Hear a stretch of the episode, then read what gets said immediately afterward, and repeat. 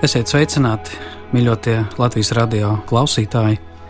Šajā svētkrītā kopā ar jums mācītājs Ivars Jēkabsons. Ieklausīsimies vārdos, kas atrodami Jāņa pirmajā vēstulē, Bībelē, kur 4. nodaļā no 7. līdz 12. pantam mēs tā varam lasīt. Mīļotie, mīlēsim cits citu, jo mīlestība ir no Dieva. Un katrs, kas Dievu mīl, ir piedzimis no Dieva un Dievu pazīst. Kas nemīl, nepazīst Dievu, jo Dievs ir mīlestība. Tā ir atklājusies Dieva mīlestība mūsu vidū, proti, Dievs savu vienpiedzimušo dēlu ir sūtījis pasaulē, lai mēs dzīvotu caur viņu. Šī ir mīlestība. Nevis mēs esam mīlējuši Dievu, bet Viņš ir mīlējis mūs un sūtījis savu dēlu izlīgumu par mūsu grēkiem. Un, mīļotie, ja Dievs mūs tā ir mīlējis, tad arī mums pienākas citam citu mīlēt. Dievu neviens nekad nav redzējis, ja mēs viens otru mīlam, Dievs paliek mūsos un viņa mīlestība mūsos ir pilnīga.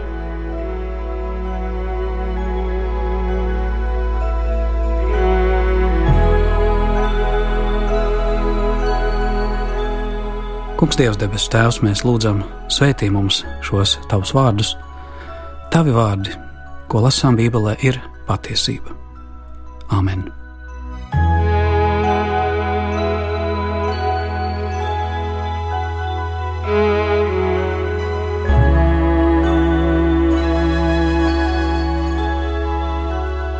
Pēdējās dienās man īpaši uzrunāja kāda epizode no mūsu rakstnieces un tulkotājas Vizmas Belševicas bērnības atmiņām grāmatā Billa, kas nesen tika ekranizēta arī filmā, kas tiek ilgu laiku jau rādīts arī kā izrāda arī Nacionālā teātrī, kur viena no epizodēm, kas man palikusi atmiņā, ir kāds notikums, kur šis bērns, kurš no agras bērnības ir sapņojis par laimīgo zemi, Leiputriju, piedzīvo dramatisku pasaules realitāti ar sliktām attiecībām un sliktiem apstākļiem.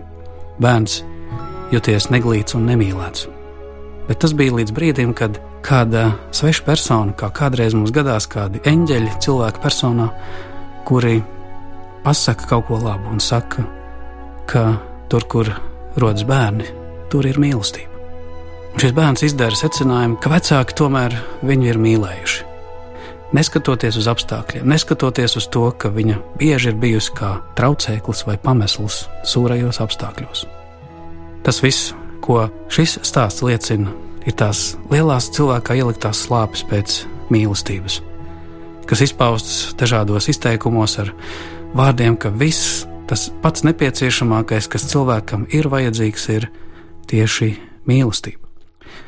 Un tiešām mēs varam sagādāt bērniem un cilvēkiem vislabākos apstākļus, bet ja nav šīs mīlestības, tad tie ir tādi sterili, bet bezjēdzīgi apstākļi, kas neustur, kas nepiešķir dzīvē jēgu. Kā kāds sacīja, pat zīdaiņi ātrāk pamet slimnīcu, ja tiem klāt ir mīloši vecāki, ka siltais glāsts ir daudz svarīgāks par sterilām ierīcēm. Un man šķiet, ka mūsdienu pedagoģija, medicīna savā ētikā aizvien vairāk ļauj iesaistīties tuvajiem mīļajiem cilvēkiem šajos atlapšanas vai izaugsmas procesos, ka tavu tuvinieku klātbūtne tavās veiksmēs un neveiksmēs ir vitāli svarīga. Tos nebūtu labi izolēt aiz sterilitātes apsvērumiem, ka daudz svarīgāk un daudz dziedinošāk ir, pat ja viss nav perfekti, tomēr tas, ko tu mīli un tas, kas tevi mīl, lai tev ir klātesošs. Un tas ir arī kristīgās dzīves pamatmotīvs, tas ir visas mūsu esamības pamata jēga un iemesls.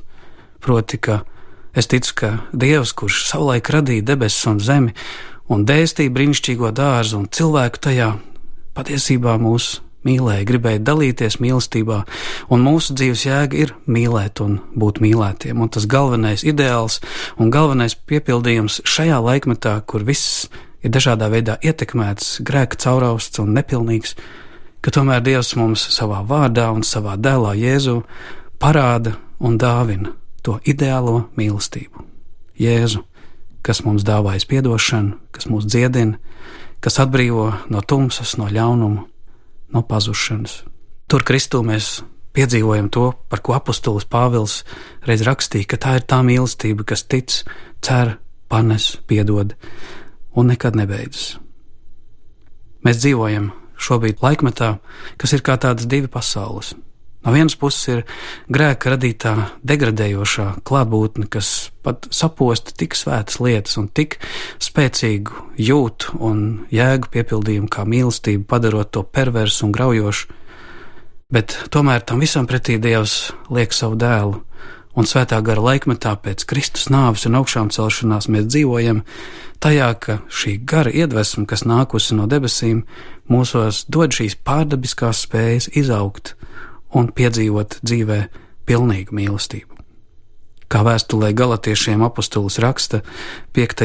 nodaļā, 22. pantā, ka šī mīlestība ir gara auglis, kā saule, kas liek dabai pavasarī uzplaukt un vasarā nest ziedus un rudenī augļus, tā Dieva svētais gars liek cilvēku sirdī brīnišķīgāko no dāvanām - mīlestību, kas tuvākam ļauna nedara un nekad nebeidzas. Tas ir tas veids, kā gars dara dzīvu, Dieva vārdu un burtu, caur mīlestību, ko saņemam, caur mīlestību, ko līdzdalām. Un, ja nu ir kāds kristietības veiksmes stāsts, kas ļāva šai labajai vēstī izplatīties pasaulē, ir tādēļ, ka mācekļi pazina šo Jēzus mīlestību, ka mācekļi uzticējās šim Jēzus aicinājumam, un tieši tā jaunā balss, tā jaunā vēsts, jaunā mēle, kādā veidā viņi runāja, bija absolūtas mīlestības iedvesmota. Tas ļāva cilvēkiem kāpt pāri valstu un kultūru robežām un apliecināt gan pazīstamos, gan nepazīstamos, gan pieņemamos, gan nepieņemamos. Tos aizvien uzrunājot dažādās valodās un veidos, un pat pāri darītājiem spējot liecināt šo dieva mīlestību, pat tad, ja viņi ir cietuši un miruši. Mēs varam daudz ko dzīvē nesaprast, daudz ko nezināt. Taču viens gan atkal un atkal ieklausoties šajā Bībeles rakstu vietā, ka mums ar lieliem un neizdzēšamiem burtiem savā sirdīs ir jāieraksta šie vārdi: Dievs ir mīlestība. Šī mīlestība nevienmēr mums padara dzīvi vienkāršāku vai vieglāku, jo tā ir aktīva, pozitīva interesētība mūsu izaugsmē, mūsu laimē, un ka tur, kur mēs savā neziņā vai savā aplamībā nodaram sev pāri un citiem, mēs varam sadurties arī ar šo mīlestības ietekmi, kurai nav viena alga, kura tā kā dusmojas uz mums par to, kas ir noticis, ko esam pieļāvuši savā dzīvē. Bet galvenais ir lai kādi kritiski vārdi ir izskanējuši pat no debesīm, lai kādas lietas Dievs mums ir sacījis, ka ja mēs tā turpināsim, ka mēs dosimies tā sakot uz elli, ka tas aizvien ir skanējis mums nevis lai mūs pazudinātu, bet lai brīdinātu, lai atturētu, lai aicinātu nākt pie atgriešanās, nākt atkal tajā mīlestībā, kas sev un tuvākam ļauna nedara.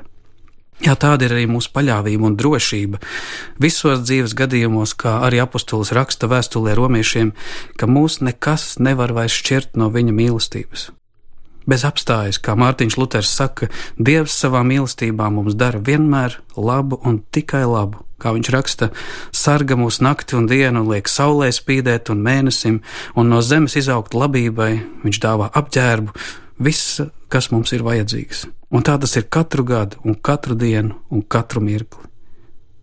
Luters secina, kāds prieks dzīvot brīnišķīgajā dieva mīlestības darbu pasaulē. Dievs ir mīlestība, un varbūt vienmēr to nespējam ieraudzīt un aptvert, un daudzi, piemēram, mīlestību sajauc tikai ar tādu labsajūtu un izdabāšanu, un domā, ka dzīvē tad, kad ir slikti, kad Dievs man ir pārstājis mīlēt, patiesībā mēs Varam dabā redzēt, ka saule nepārstāj eksistēt, pat ja ir apmākušās debesis. Pat ja esam bēdīgi un ja esam nonākuši kādā strīdā ģimenē, vecāki tomēr turpina mūs mīlēt. Un arī Dievs turpina mūs mīlēt, pat ja starp mums ir nostājies mūsu grēks. Un Viņš aicina, aicina nākt šajā gaismā. Jā, šis jautājums tādēļ vienmēr prasa komentāru, kas ir mīlestība, vai viss, ko dzīvē redzam, ir īsta mīlestība, jo dzīve mums parāda, ka mīlestība un dzīves saturs ir dziļi saistīts ar mūsu pozitīvo vai negatīvo pieredzi. Un, ja mūsu dzīves pieredze ir bijusi ļauna, un mūsu dzīves kvalitāte ir bijusi slikta, tad bieži vien arī viedoklis par to, ka dzīvē mīlestība ir jēga, cilvēks vienkārši nespēja tam noticēt. Jā, tas liek domāt par mīlestību riebīgos, nelaimīgos vai neiespējamos vārdos. Un tā tas ir nelabvēlīgās vidēs. Tāpat Arī mūsdienu humānajā, uz cilvēka paša, es vien vērstajā sabiedrībā būs grūti runāt par mīlestības būtību, jo katram ir kāds savs viedoklis, savs vairāk vai mazāk nepilnīgs priekšstats. Nav vairs tā dieva mīlestības svētā ideālā parauga, ir palicis tikai cilvēks, kuram katram ir savs viedoklis. Un tādēļ iespējams būs grūti runāt vispār par kaut ko vairāk, kā vien par tieksmēm, interesēm un gaisīgām izjūtām, kas zūd. Jā, tāda mīlestība, kur tiek vērtēta tikai pēc sevis, mēs varam sacīt, tā ir tāda egocentriska mīlestība. Un tad savā galībā tā izpaužas, ka cilvēki vairs nespēja saprasties un nespēja būt un citus darīt laimīgus. Viss, kas mums šķiet labs, to gribam aiz mīlestības dāvināt otram, bet izrādās tas viss ir nepilnīgs un tas otru neuzrunā. Un esam pārsteigti par nepateicību, ko vecāki saņem no bērniem, ka tie nenovērtē, vai arī vīri un sievas savā starpā nespēja viens otram dot pilnīgu mīlestību, tādēļ, ka nav šīs dieva gara vadītās pilnības. Līdzīgs droši vien ir arī mūsu ticības Lutāņu baznīcas tēva Mārtiņa Lutera iespējamais konflikts viņa jaunībā, bērnībā ar viņa pašu tēvu, kurš vēlējās, lai viņš kļūtu par jurists. Bet Mārtiņš kļuva par mūku, par teoloģijas doktoru, Un te iespējams bija konflikts ģimenē, ka vecāki gribēja vienu, bet dēls izvēlējās otru. Un, lai kā tur tas ir izcinājies, kaut kad mēs ieraugām, ka tomēr mūsu mīlestības dzīves izvēlēs un aicinājumā vecākiem būtiskākais ir nevis uzspiest, bet ieraudzīt šī bērna dāvanu un aicinājumu, kur viņš iet šo savu ceļu, un mūsu uzdevums ir palīdzēt bērnam pamanīt to, dieva mīlestības piepildījumu, kas šī bērna dzīvē ir jau dots, un palīdzēt to atraisīt.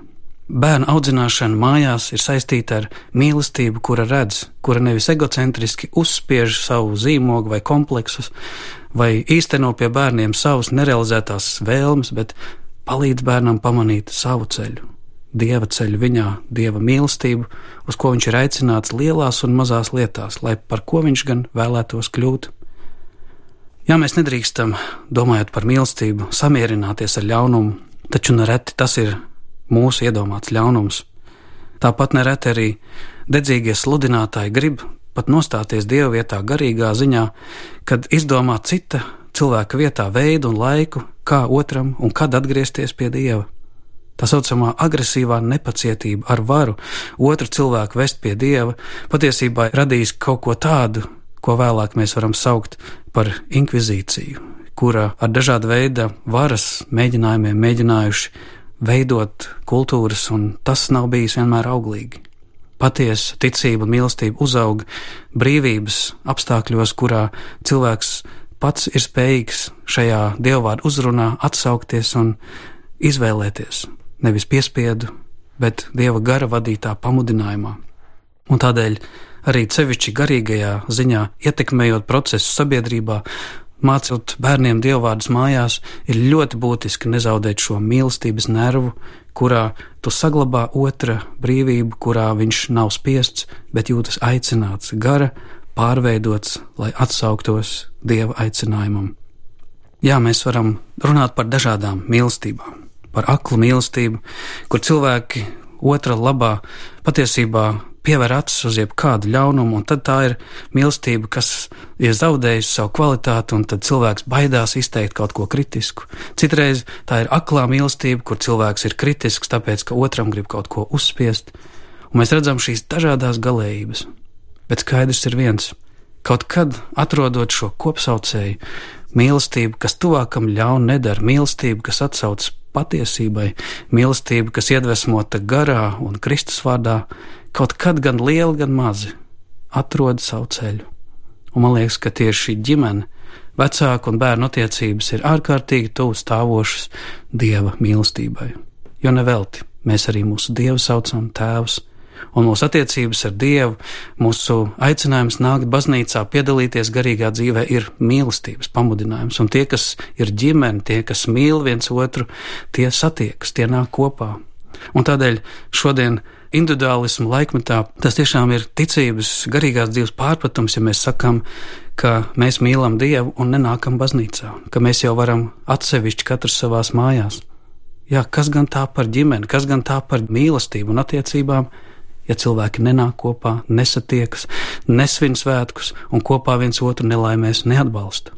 Jā, tieši individuālisms, tieši garīgais pārpratums par ticības dzīvi tikai personīgā dzīvē ieved depresijā un izolācijā, bet garīgā dzīve veido baznīcā ideālā gadījumā tādu veselīgu vidi, kas mīlestībā cits citam kalpo, un tādēļ šī nākšana kopā ir viens papildus iedvesmas avots mīlestībai un kalpošanai.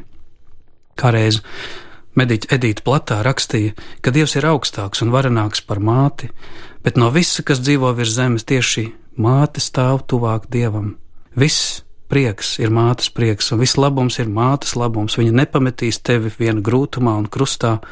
Tāpat kā Jēzus māte neaizgāja no sava dēla krusta, un māte arī nenogurst nekad. Un tad, kad maizes pietrūkst, kad sapņi izirst, kad bērni atstāja un sākas lielā neizsakamā vientulība, šī mīlestība nebeidzas. Jā, mēs varam redzēt šo ideālo mātes mīlestību, kas stāv tuvu tādai mīlestībai, kas ir no dieva, kas tic, cer, panes, piedod un nebeidzas un paliek. Dievs ir mīlestība. Mēs esam aicināti saprast, pieņemt, piedot un netiesāt, un tomēr mīlestībai ir robežas. Kad mēs kāpjam pāri mīlestības ideālam, baušļu pārkāpšanā, mēs degradējam šo priekšstatu, padarot to perversu un ļaunu, un tad šī mīlestība kļūst egoistiska, akla, ka patiesībā cilvēks apliecinot mīlestību kādam citam, patiesībā nevis apliecina mīlestību uz otru, bet to, kas man par to būs, un tā ir mīlestība uz sevi. Tādēļ Kristus ideāls ir nevis raudzīties uz to, kā es jūtos tikai, kāds man labums no tā, ka es mīlu, bet Kristus ideāls ir absolūta nodošanās, kurā viņš mīlestību izvēlās nest mums, lai mēs būtu laimīgi. Un arī mēs citu citu esam aicināti mīlēt, kā Kristus mūs ir mīlējis. Pats nododams sevi mūsu labā, kā Dievvvārdi saka. Citiem vārdiem sakot, šodien mums netrūkst praviešu, kas saka, es jums saku, mīliet pat savus ienaidniekus, lūdziet Dievu par tiem, kas jūs vajā. Ja jūs tos mīlat, kas jūs mīl, kāda alga jums nākas. Uz šiem vārdiem sabiedrība pieprasa toleranci pret citādiem, alternatīviem un ļauniem, taču jautājums paliek neatbildēts, kas pasargās labos no ļaunuma despotijas, no perversijām, no ģimenēm, kur mātes tēvi ir degradēti. Kas pasargās? Tāpēc mums pietrūkst praviešu, kas spēj pamudināt uz stipru ģimeni un iedvesmot uz patiesi tīru un bez tā saucamām novirzēm mīlēt savus tuvākos, savu tautu un baznīcu. Baznīcas un katras draudzes zīme ir mīlestība, un tādēļ tas nav viegls pasākums, tas nav jebkas. Mēs esam aicināti raudzīties uz Dievu, lasīt viņa baušļos pamudinājumu uz svētumu un redzēt nesautīgas mīlestības kalpošanu. Jā, no tam visi pazīs, ka jūs esat mani mācekļi, ja jums būs mīlestība savā starpā, saka Jēzus Jāņa evaņģēlī 13. nodaļā. Jā, viss, ko cilvēkam vajag, ir mīlestība, bet patiesa mīlestība ir Dieva dāvana, kas jāizkopj mūža garumā. Kristus upuris ir tas, kurš piedod un dziedina. Dieva gara auglis ir tas, kas iedvesmo un dod spēku. Tā ir daļa no tās uguns, ko Dievs caur Jēzu ir nesis zemes virsū, un tas ir tas, ko vasaras svētkos piedzīvo draugi, kas palīdzēja mācekļiem saprasties, atzīt Dievu un uzrunāt tautas. Šī dieva uguns, šī dieva mīlestība nav nevarīga dziestoša ogle, bet tā dedzina un tā sadedzina ļauno, lai gaiši spīdētu un ceļu rādītu un sildītu dieva gara vadībai un visam tam labajam lai Dievs svētī mūs šajā mīlestības aicinājumā, mīlestības izaicinājumā un mīlestības svētajā pamudinājumā mīlēt tā, kā Kristus mūs ir mīlējis. Uz to, lai Dievs mūs katru mīļie svētī Jēzus vārdā. Āmen!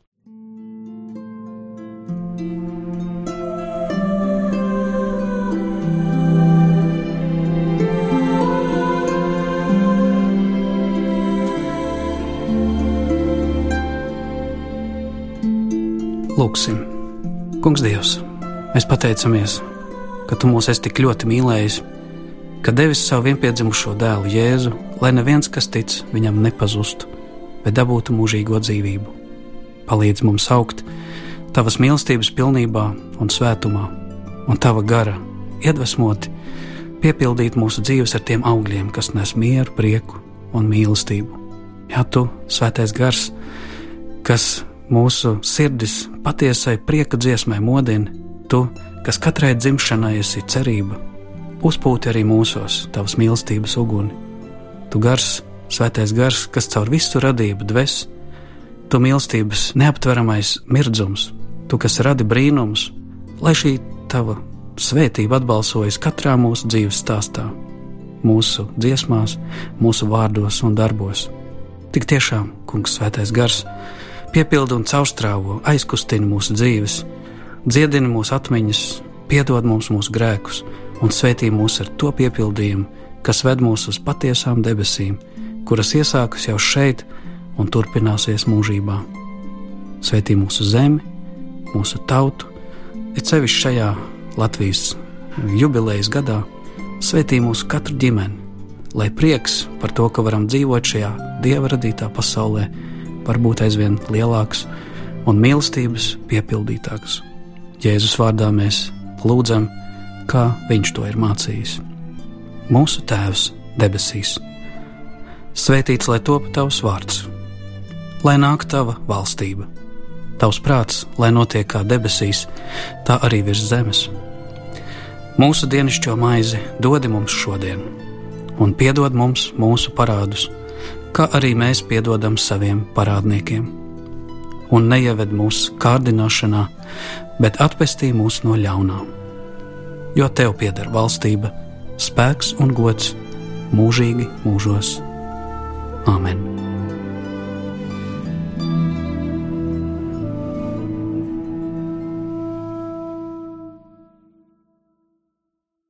Un Dievam, Tēvam, Dēlam un Svētajam Garam, lai ir gods, slava un pateicība mūžīgi.